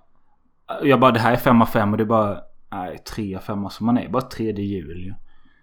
Ja men det, det Ja jag älskar den commenten Det är den drygaste Fittigaste linen jag sagt om en film Men den är så jävla sann När man ser Before Sunrise, Before Sunset och Before Afternoon Mi- eller vad fan mi- midnight. Midnight Du är tredje hjulet Bokstavligen talat och det är så sant, men det, det, det, det är verkligen inte en kritik till filmen på något sätt. Alltså på ett sätt kan det ju flippas som något bra, att du är den osynliga tredje hjulet. Liksom det är ju lite det filmen försöker vara typ. Ja. Ja, antingen det osynliga tredje hjulet som följer med de här. Eller att du som tjej ska tänka dig in i Julie Delphi. Eller du ska tänka dig in i Ethan Hawke. Ja, det gör jag ju nu mer. Nu när jag Ja. haft tjej och haft de här upplevelserna. Men det är lite sant det du säger. Jag har väldigt lätt för att gå in i en Star Wars-värld. Men sen så när jag kollar på Irreversible, ja då sitter jag och tänker på vem som kanske runkar till detta. Talk about being like Men det är också lite i en, i en filmklippares hjärna just nu. I och med att du håller på och klipper film och sånt. Att du kanske inte... Du fokuserar mer på eh, hur filmen är gjord kanske. Jag är extremt fokuserad på hur, hur filmen är gjord. Och det är jag i princip nästan alltid när jag ser en film. Det går typ aldrig ur. Jag lägger märke till typ alla klipp och... Partyzebra. Går. Ja, jag är riktigt partysebra när det kommer till att titta film. Alltså jag har alltid askul vilken film jag än tittar på. Och jag, de flesta filmerna underhålls jag av. Men... Om folk visste vad som pågår inne i mitt huvud när jag ser film så tror jag inte de hade tyckt det var lika kul. Nu vet jag inte vad jag menar men jag tänker typ bara på... Jag vet inte ens vad jag säger här men du har rätt. Jag tänker mycket på det tekniska och sån skit. Jag tror vi är inne på det som eh, vad heter det, är signifikant för Filmosofi Podcast. Där vi försöker prata djupare om saker vi egentligen inte förstår och inte riktigt kan reda ut. Och så blir det att vi säger vad vi tänker och eh, kommer inte fram till direkt någonting. Men det är Ja. därför ni älskar att lyssna på oss. Tack. Och därför jag måste gå och pissa nu.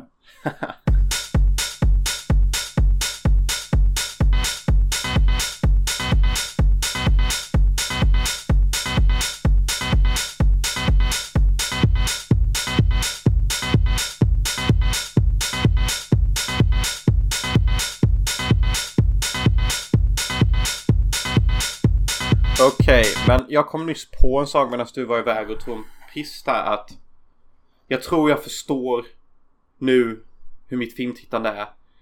Uh, jag kollar på en film och försöker lista ut, typ, typ som när en film är väldigt så här engagerande och man berörs. Då tittar jag så här, okej varför blir jag engagerad och varför berörs jag? Är det i klippningen? Är det i ljussättningen? Är det just att den låten kommer precis vid det här klippet som gör att jag får de här känslorna? Vad är det som gör det? Det intresserar mig mest med film. Men sen, jag vill också ta upp en annan film. För du sa att jag inte redan liksom så här bara sjunker in i filmen och låter mig liksom så här normalt relatera till en story och karaktärer. Men The King of Staten Island, som jag såg för typ två veckor sedan. Det var en av de första filmerna på säkert flera år där jag bara gled med i storyn och karaktärerna och inte tänkte på det tekniska utan bara flöt med på vad de sa och typ filmens flow typ. För att det är en bäng huvudkaraktär och du var bäng. Ja, jag antar att jag behövde så mycket. Jag måste ha så mycket att relatera till för att det ska kunna bli att jag bara sjunker med i storyn. Nej, alltså förlåt jag drog ner det där. Men du har rätt i det du säger för att Ja. för det första tänkte jag hur fan kan jag relatera till denna kidden? Han har ju fan tatueringar och är smal som fan och bor i New York. Sen så när jag bara okej han är bäng, han röker på. Ja okej, han har typ någon slags ADHD. Eh, han har lite trauma efter sin pappa är död. Oj då, nu, nu blev det väldigt relaterbart helt plötsligt. Och sen så bara fortsätter filmen att vara mer och mer så, så liksom Jag tror för mig är det att om jag ska bara sjunka med i en film så måste det vara väldigt relaterbart. Nästan on spot på min karaktär i verkligheten. Och det blev den då. Ja. Men eh, egentligen... Alltså, jo, men alltså mycket av det du sa där nu med röka och, och pappa och allt sånt där. Det köper jag. Men sen måste ju filmen också... Eh, det, det räcker ju liksom inte att en karaktär väljer att röka på lite för att han sörjer sin pappa. För att den måste ju ha någonting mer. Tycker jag. Eller, nej men du fattar vad jag menar. Den, den kan ju inte bara vara en kille som går runt och röker och tänker på sin fasta. Ja men det var det att han, han gjorde många dumma beslut också. Ja, Typ som att han väljer att tatuera en 11-åring ute i skogen. okej. Uh, jag har inte gjort ett sånt beslut men gud ska veta att jag har haft mina beskärda del av dumma beslut. Klassiska ljudet. Ni väntar på. Så. Mm. Eh, jo, det jag skulle säga var att eh, jag, jag var nära nu och döma dig på grund av att... Eh, men på grund av att jag sa att du kollade på en bänkaraktär och Beng själv. Ja. Alltså det är lätt för mig att säga till dig bara... Ja men du var Beng, du tyckte allt var kul, du tyckte allt var bara var så jävla gött för du var Beng. Men jag, jag vill inte... Jag, det jag vill säga att jag säger inte så längre om jag sagt så innan för att... Du kommer ju längre in i filmen så länge du fokuserar på det och kan behålla fokus på filmen och inte något annat. Tack för att du säger det och det är så det är för mig när jag ser film. Och jag har alltid sagt att det spelar inte roll om jag ser Cam, om jag är Beng, O-Beng, ser filmen på bio, Beng, O-Beng på bio. Jag kommer se filmen för vad den är oavsett. Och det är beviset när jag ser Dune, Beng, sätter 2 av 5, kanske till och med 1 av 5. That's the fucking proof that Bengheten gör inte att jag låter mig romantiseras av all as cool öken-action. Jag har heder som filmkritiker. Men sen också att både alkohol och eh, marijuana och sånt. Det kan ju få dig att eh, öppna upp känslor som du Mm. kanske egentligen känner. Eh, när du, om du har sett filmen nykter. Bara att du känner det starkare. Vilket som kanske egentligen är ditt riktiga jag. Jag Ja. tänker till exempel nu då som du säger King of Staten Island. att hade du sett en nykter kanske du inte hade brytt dig så mycket om att ja, men han och jag är rätt lika. Han röker på, har förlorat sin pappa och han eh, gör det och det. Han eh, fuckar upp och jag fuckar upp. Han har en vision, jag har en vision. Alltså det hade bara för dig blivit en axelryckning om du hade sett det nykter. Men medan du är i samma mode som han så bara känner du att det här är något. Ja, lite så kan det vara. Men sen så provade jag faktiskt att se filmen igen typ två dagar senare för att jag skulle Vi, visa... Staten Island nu. Ja, för jag skulle visa den för Natta och då såg jag den nykter. Och tyckte fortfarande att den var lika entertaining och engagerande. Eh, Ja. Och jag relaterade fortfarande lika mycket. Och därför rest jag mitt fucking case att det spelar typ ingen roll i vilket eh, kemiskt tillstånd jag är i. Även Mm. dock, om jag är väldigt full och ser Titanic så är det större chans att jag gråter än om jag vore nykter. Jag måste tillägga det, att det kan faktiskt ha en påverkan. Men för det mesta så är påverkan så minimal att det inte spelar någon roll. Men eh, vi, eh, vi kommer hoppa över Nos eh, filmer han gjorde här emellan nu. För han fortsatte. Det är sjuka också att efter Irreversible så tog det sju år för han att komma med nästa film. Vilket var Enter the Void. En film jag tycker... Det är den jag har svårast för tror jag. Jag har alltid ballat ur när jag ser den. På dro- Alltså, nej, droger. Nej, nej, inte på droger men alltså. Filmen är så realistisk i sitt sätt hur det känns eller vad jag tror som händer när man dör. Att ungefär alltid när jag kommit halvvägs in i filmen, precis som karaktären så susar jag också ur och typ somnar. Ja. Och hans själ flyger till universum eller någonting. Jag har aldrig Alltså- sett färdigt filmen. Jag har sett hela en gång. Jag planerar att göra det snart igen. Men fan vet om jag inte behöver en joint eller något år Ja, före. det, det kommer hjälpa. Ska vi, ska vi se den ihop när du kommer till Sverige? Ja, det kan vi göra. Så laddar vi upp två feta joints var typ. Eh, Och så ska jag se färdigt hela för en gångs skull. Ja, sen så gjorde han då den här halvporrfilmen Love. Den tyckte jag faktiskt mycket om. Aldrig heller klart se hela. Den, den blir för mycket, den relaterar jag för mycket till. Det är så mycket kärleksångest i den filmen att jag vet inte vad jag ska ta vägen. Jag, Ja. Alltså det är det som är felet med mig. Att jag vill inte alltid relatera så mycket Nej, till film. det- För mig bör film vara främst escapism. Mm. Relatersnivå är sekundärt till entertainment och escapism value. Och det är det som jag. är så intressant oss två eftersom jag är exakt tvärtom. Ja, men ändå så sätter vi typ samma betyg på exakt samma filmer vi ser. Det är typ väldigt sällan du sätter en fyra och jag sätter typ en tvåa. Det Ja men det, aldrig. det, men det skulle ju vara typ så här då ifall ja, vi ser Before Sunrise men så har de lagt in en dataanimerad groda som hoppar på någons huvud och det bara Det där gillar jag. Det där är escapism för mig. Nej, det hade jag inte uppskattat för att det går emot vad den filmen försöker vara. Ja. Det är det här jag menar att jag har filmheder som kritiker. Mm. Att sätter jag before, på Before Sunrise, inte fan förväntar jag mig escapism. Nej. Jag förväntar mig att vara det osynliga tredje hjulet and I'm gonna fucking like it.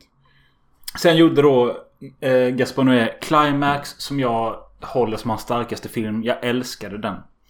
Climax. Ja, Climax var kul som fan. Ja. eh, och efter den gjorde han det vi är inne på nu. Lux Aterna. Ja. Vet, Ja. du vad det, vet du vad det betyder? Nej, men det betyder väl eh, demonisk häxa kanske. Nej, jag hittar inte den. Skitsamma. Men Lux Aterna det är någon latin för någonting. Irre- Irreversible by the way betyder oåterkalligt. Ja, det är ett bra namn för att både våldtäkten och mordet är ju typ stenhårt och definitionen av det där kan du inte göra. Eller oåterkall, det är oåterkalligt. Eh, Tekniskt sett så är ju allt du gör det. I princip. Såvida inte du har kontroll Z tillgängligt. Plus att det du ser i filmen blir ju oåterkalligt. När man ser det i den ordningen. Ja. ja. Ja, intressant. Väldigt bra titel. Han får 5 av 5 för mig på grund av titeln. Titelidén är 5 av 5. Det ska han Ja. fan ha. Eh, Gaspar Noé fick erbjudande att göra en reklamfilm för moderbolaget Yves, Yves Saint Laurent. Eh, ja. Ja. Och eh, det skulle vara en kort, liten, liten kortfilm. Eh, och han fixade dit Charlotte, Charlotte Gainsbourg. Eh, som vi har sett i Lars von Triers ångesttrilogi Antichrist Melancholia Nymphomaniac. Ja. Och han, han fixade dit Beatrice Dahl som vi har sett i en film som du har sett men som jag har hyllat men aldrig råkat se. Den heter Betty Blue 37,2 på morgonen. Har jag sett den? Jag är hundra på att du har sett den för jag för mig att du betygsatte den ganska högt. För det är med Beatrice Dahl och eh, Sean... Betty Blue. ja. Med eh, Jean-Claude. Jean Angeli. ja, precis. Jag har sett en timme av den filmen. Jaha. Sen så försökte jag se den igen för några månader sedan. Så en timme igen. Denna filmen är extremt relaterbar för mig på den nivån att jag tycker det blir lite jobbigt för mig. För att Natta mitt ex är crazy vixen female. Ja. Och Sean Hughes Angelades flickvän i Betty Blue är vixen crazy female.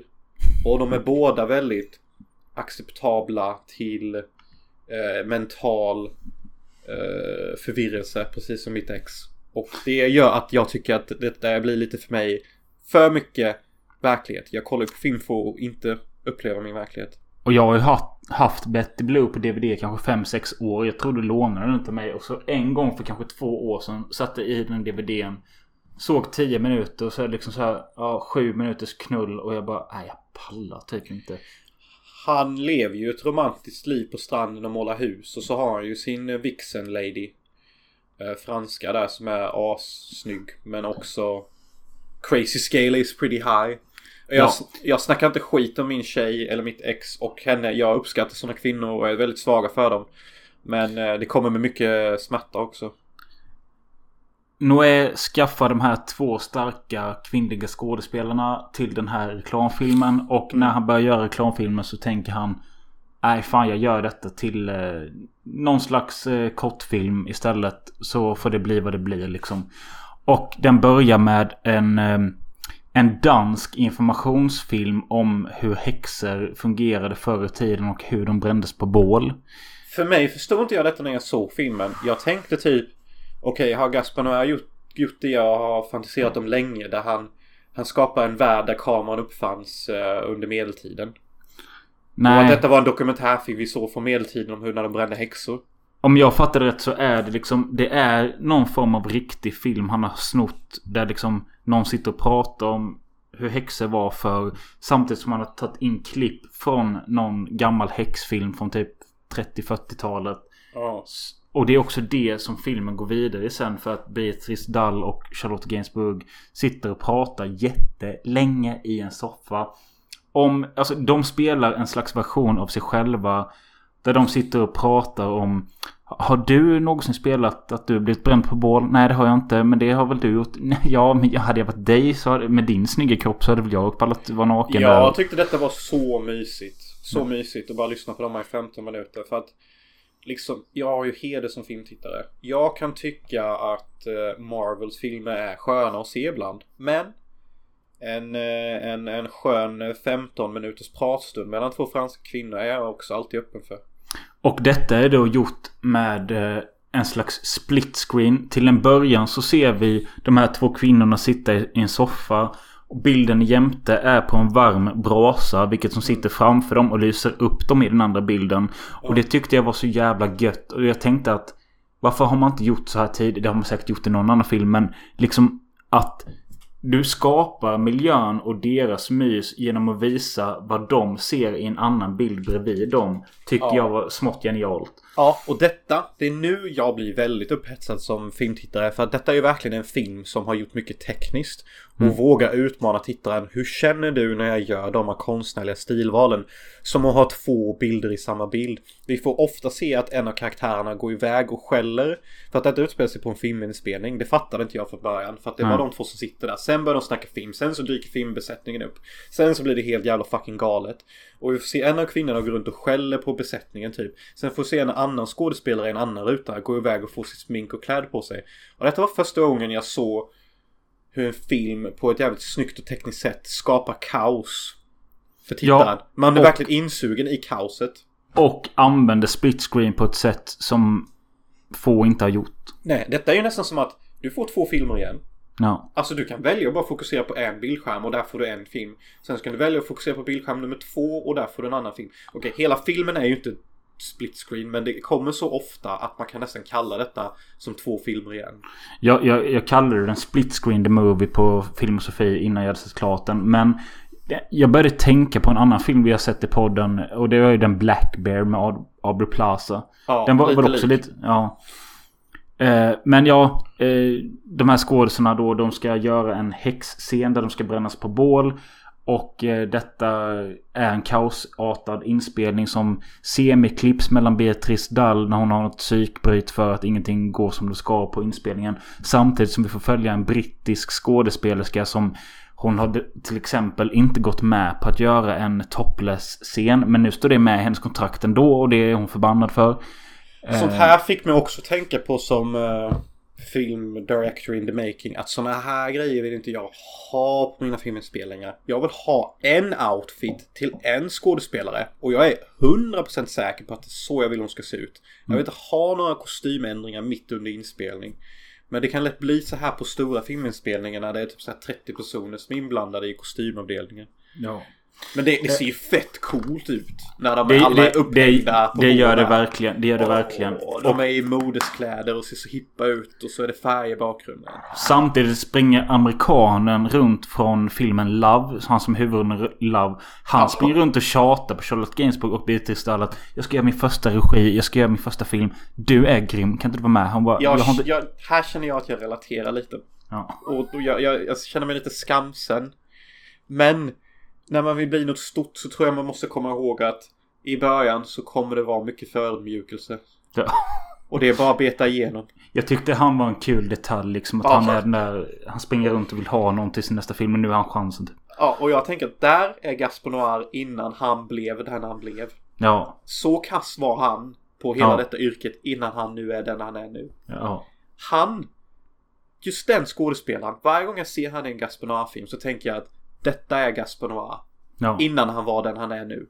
För i Love så snackar han om vilka filmer han vill göra. Och det är de filmer Gaspar Noir gör nu. Mm. Och alla hans karaktärer som alltid spelas den skådespelaren, de framstår alltid som så jävla omogna. Men på gränsen av att nå storhet om man bara ger dem tid typ. Ja.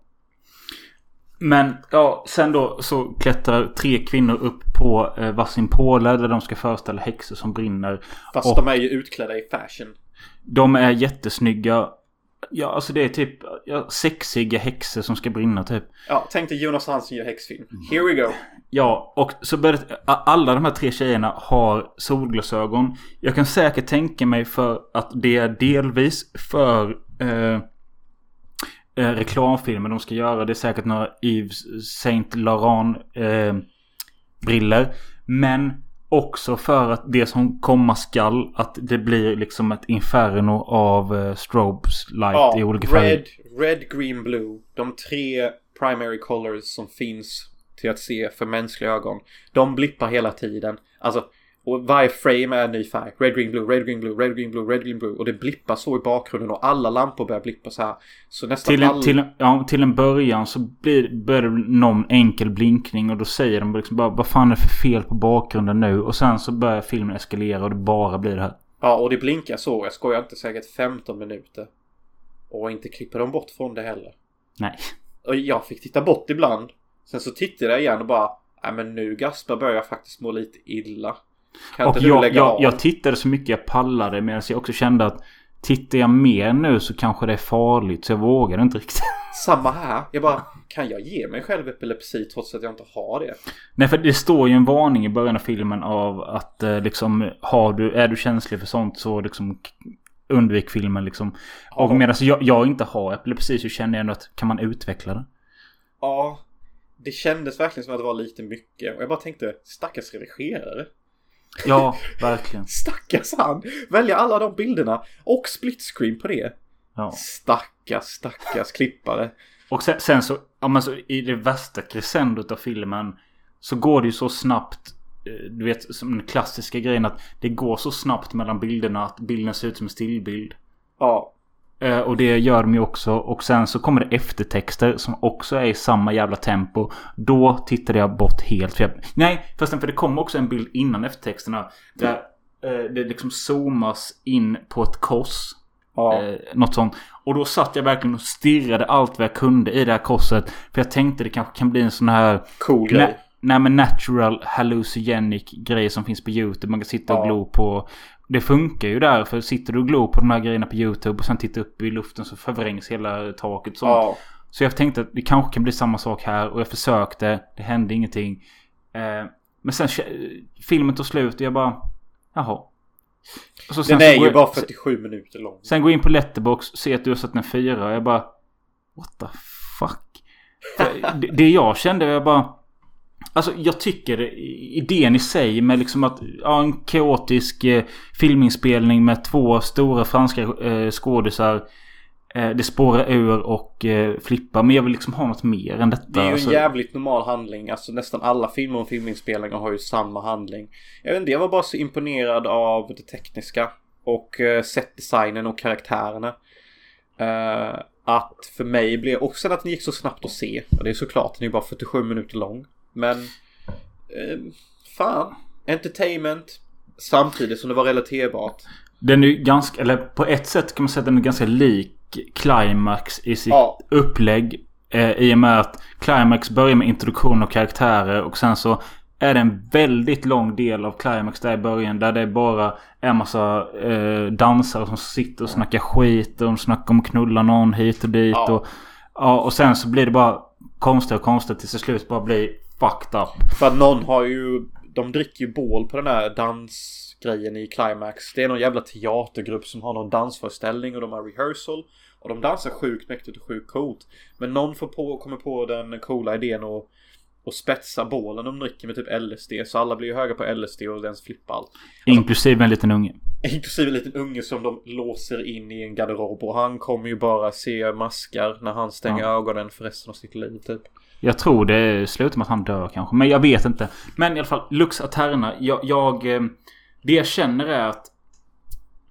Om vi ska ta ett slutgiltigt ord. Inte bara om Lux Aterna utan Gaspar Noé som en aktör eller regissör. Det är ju att... Han har så satans mycket bra. Bara det att han skulle kunna förvalta det bättre och lite lugnare. Så att även en cineast som du och jag och du som lyssnar hade orkat med det. Ja, jag har ju faktiskt aldrig sett färdigt Enter the Void. Och jag klarar ju aldrig att se färdigt Love. Så det är här jag tycker du säger någonting som är så jävla viktigt. Och det är där jag vill glida in som filmskapare. Det ska vara unikt nog för att det ska kunna tolkas som eh, en xenofilfilm. Men också så normalt gjort att alla kan njuta av det. Kan väl tänka mig att Kanske inte nö- nödvändigtvis alla, men det jag menar att... Nu, jag, jag kollar mina betyg här nu. Jag har satt en eh, trea på A Stand Alone. Jag har satt en eh, trea på Enter the Void. Jag har satt en femma på Climax, en femma på Irreversible. Eh, vilken är... Ja, Luxaterna. Nu satte jag en två av fem. Eh, alltså... Han funkar när han gör mycket så länge det finns någon form av substans eller någon form av mer till. Jag tyckte Climax var så jävla perfekt arrangerad från början till start. Medan Ja. den här Luxaterna, där kändes det så här att jag ser två skådespelare prata, sen ser jag lampor som blixtrar. Jag får ingenting av det. Lite så är det. Jag gillar också filmen för att den är så. På något sätt. Det är liksom eh, I'm shallow and I know it, deal with it. Men det är okej om du bara ska stanna i mitt liv 47 minuter. Ja. Och en annan sak jag kände när jag såg både Irreversible och Luxaterna samt att jag nu de senaste dagarna har börjat ta mig igenom Jörg Buttergeits filmografi. Jag köpte en box från Arrow som innehåller Necromantic 1, 2 plus Der Todesking och Schramm. Jag har sett Necromantic 1 och jag har sett eh, Der Todesking som också betyder The Death King på engelska. Tar man Necromantic 1, The Death King, Irreversible och resten av Gaspar Noés, ja typ Enter the Void. Då kan man inte tro att vi inte har sett alla de här innan vi gjorde Själanöd. För det finns nästan, nästan säger jag bara nu, picture for picture som vi har rippat av dem. Wow. Coolt. Ja, och alltså jag kände bara att har vi blivit så omedvetet inspirerade att vi liksom, eller var vi liksom, är vi samma kött Vi var, jag tror vi var själsligt på samma plan. Som när alla de här andra regissörerna gjorde sina filmer. Eh, Så att det bara liksom naturligt blev så bra. Ja, så, så, så tror jag nu. För det finns eh, de här klassiska mm, blinkande strobesen som är i slutet Enter the Void. Det var... Så börjar vår själanöd. Det finns en scen i Själanöd där du ligger och har ångest i en säng och sitter Ja. och slår i väggen och sånt. Det var exakt likadant som i The Death King när... The Death King är för övrigt uppdelad. Det är en film som handlar om självmord som utspelar sig under en vecka. Där vi varje dag får följa en person som ska ta livet av sig själv eller av någon annan. Och eh, typ på ja, slutet av filmen fredag så är det en kille som ligger i, sin säng och snurrar runt i sängen. Det klipps hit och dit. Han sitter och slår händerna och huvudet i väggen. Och det såg så jävla likt ut det vi gör i själen. Själanöd är ju riktigt bra och till er som lyssnar nu, ni eh, gå in på Vimeo och sök Själanöd eller sök Spiritual Agony om ni vill se en om ni är sugen på lite svensk deppångest som är lite humoristisk så är ju Själanöd asbra. Med inslag av Gaspar Noé. Ja, eh, man skulle kunna säga att Själanöd är nästan är en Gaspar Noir-film. Ja. Men vi har pratat jävligt länge idag. Men det har varit jävligt gött också. För jag känner också att nej, jag är fan inte klar. Jag kan inte sluta. Han är inte klar, han Nej, har ju sin för- stand-up. Nej, det kan vi kanske eventuellt skita i. Men, eller jag vet inte om du vill höra något. Men det, jag måste säga en till om Gaspar Noir. Och det är att... Alltså... Nu ska vi gå in i mörkret här. Oj. 2019 drabbas Gaspar Noé av en hjärnblödning som är så allvarlig att han håller på att dö. Oj. Han blir typ till en början hälften hjärndöd och sen så kommer han tillbaka. Eh, och blir normal igen. Och han är inte så gammal, han är inte ens 60 än. Eh, och det blev startpunkten och inspiration till hans kommande film. Eller den är klar, den finns. Den heter Vortex. Och den handlar om något så jävla annorlunda. Alltså, jag blev nästan chockad när jag läste det för att eh, det känns inte som en Gaspar Noir-film. Och det känns som att han kanske fick en vändning när han fick sin hjärnblödning. För eh, synopsisen på Letterboxd. Life is a short party that will soon be forgotten. This is the last days of an elderly couple stricken by dementia. Dementia. Dementia. Kul att det handlar om ett äldre par. Eh, jag finner mig själv ofta tänka på att det finns typ inga filmer för äldre människor. What the fuck? Vadå? Jag bara ser här nu. Det finns tre stycken i rollerna. Någon jävla bla bla bla som spelar The Mother. As the father, Dario Argento. Wow. Okej. Ja, Kul. det kan ju bli någonting. Och det... Detta, Ja. Detta kan mycket väl vara vändningen. Han kanske gör bara tråkiga ogaspar några filmer nu. Om, om, bara för att han har haft typ någon jävla nära döden upplevelse typ. Eh, en annan sak som jag glömde ta upp angående Lux Eterna var att jag läste en kommentar på Letterboxd som jag kände bara det här är inte bra. För det är en kille här då, han har tagit psykedeliska droger och gått på bio på denna. Luxaterna? Ja, så står det I had a psyched- psychedelic trip to this and began losing consciousness in the theater. Actually felt like I was in danger. Fucking transcendent. Fucking euphoric. Fuck, fuck, fuck. Will not, will not be forgetting this ever. Ja men det var ju lite som jag tänkte att Enter the Void och, och Climax och typ Lux Eterna. Okej, det makar sense att man ska ta psykedeliskt när man ser de filmerna. Men jag avråder nog lite från det. På grund Det av kommer hur nog bli för mycket. Ja, du kan inte ha blinkande färger som blinkar varje frame när du är hög på psykedelics. Du kommer fan balla ur. Bästa kommentaren jag läste på Lux Eterna. Alltså den här var rolig på riktigt. Gaspar No- Noé returns to finish off all the epileptic kids that Pokémon couldn't kill in the 90s. Yeah. Fuck yeah. Killing those Pokémon kids. Pokémon! Men eh, ja, nej men Gasparna är väl intressant som fan egentligen. Uh, både han och Lars von Trier är väldigt bra. Eh, Du har fortfarande inte sett House That Jack Built va? jo, jag försökte se det men... eh, den var obehaglig tyckte jag. På fel Tagg- sätt. Tagga Riket 3 istället. Ja, jag taggar nog mer Riket 3.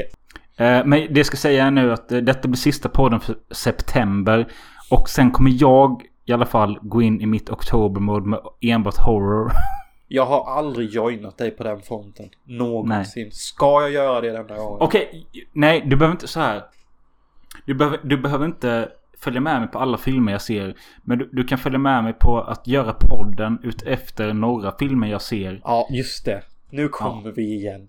Ja. Mölles lilla månad. Oktober månad. Han bestämmer alla filmer vi ska se och jag har knappt någonting att säga. Jag älskar när vi kommer hit varje år. säger- ja, men Varje du år. säger- Då säger jag så här då. I november ska vi se Last Jedi och två andra filmer som du verkligen vill att vi ska se. Fuck yeah we're gonna do. Och det borde vi gjort för många år sedan. Jag vet. Typ Last Jedi kom ut 2016 var det kanske. Ja. Den är fan inte läst längre. Nej, jag vet. Men jag har skitmycket goa skräcktitlar på gång och eh, ja, vi får se vad det blir av det. För men- det blir ju bara horrormånad nu, kära lyssnare. Alltså gillar ni inte skräckfilm, ja, förlåt. Filmosofie podcast är inte för dig. Nej, precis. Eh, tyvärr. Men eh, Jonas, ha det gött så ses vi och hörs vi. Hej då. Tjo tjo.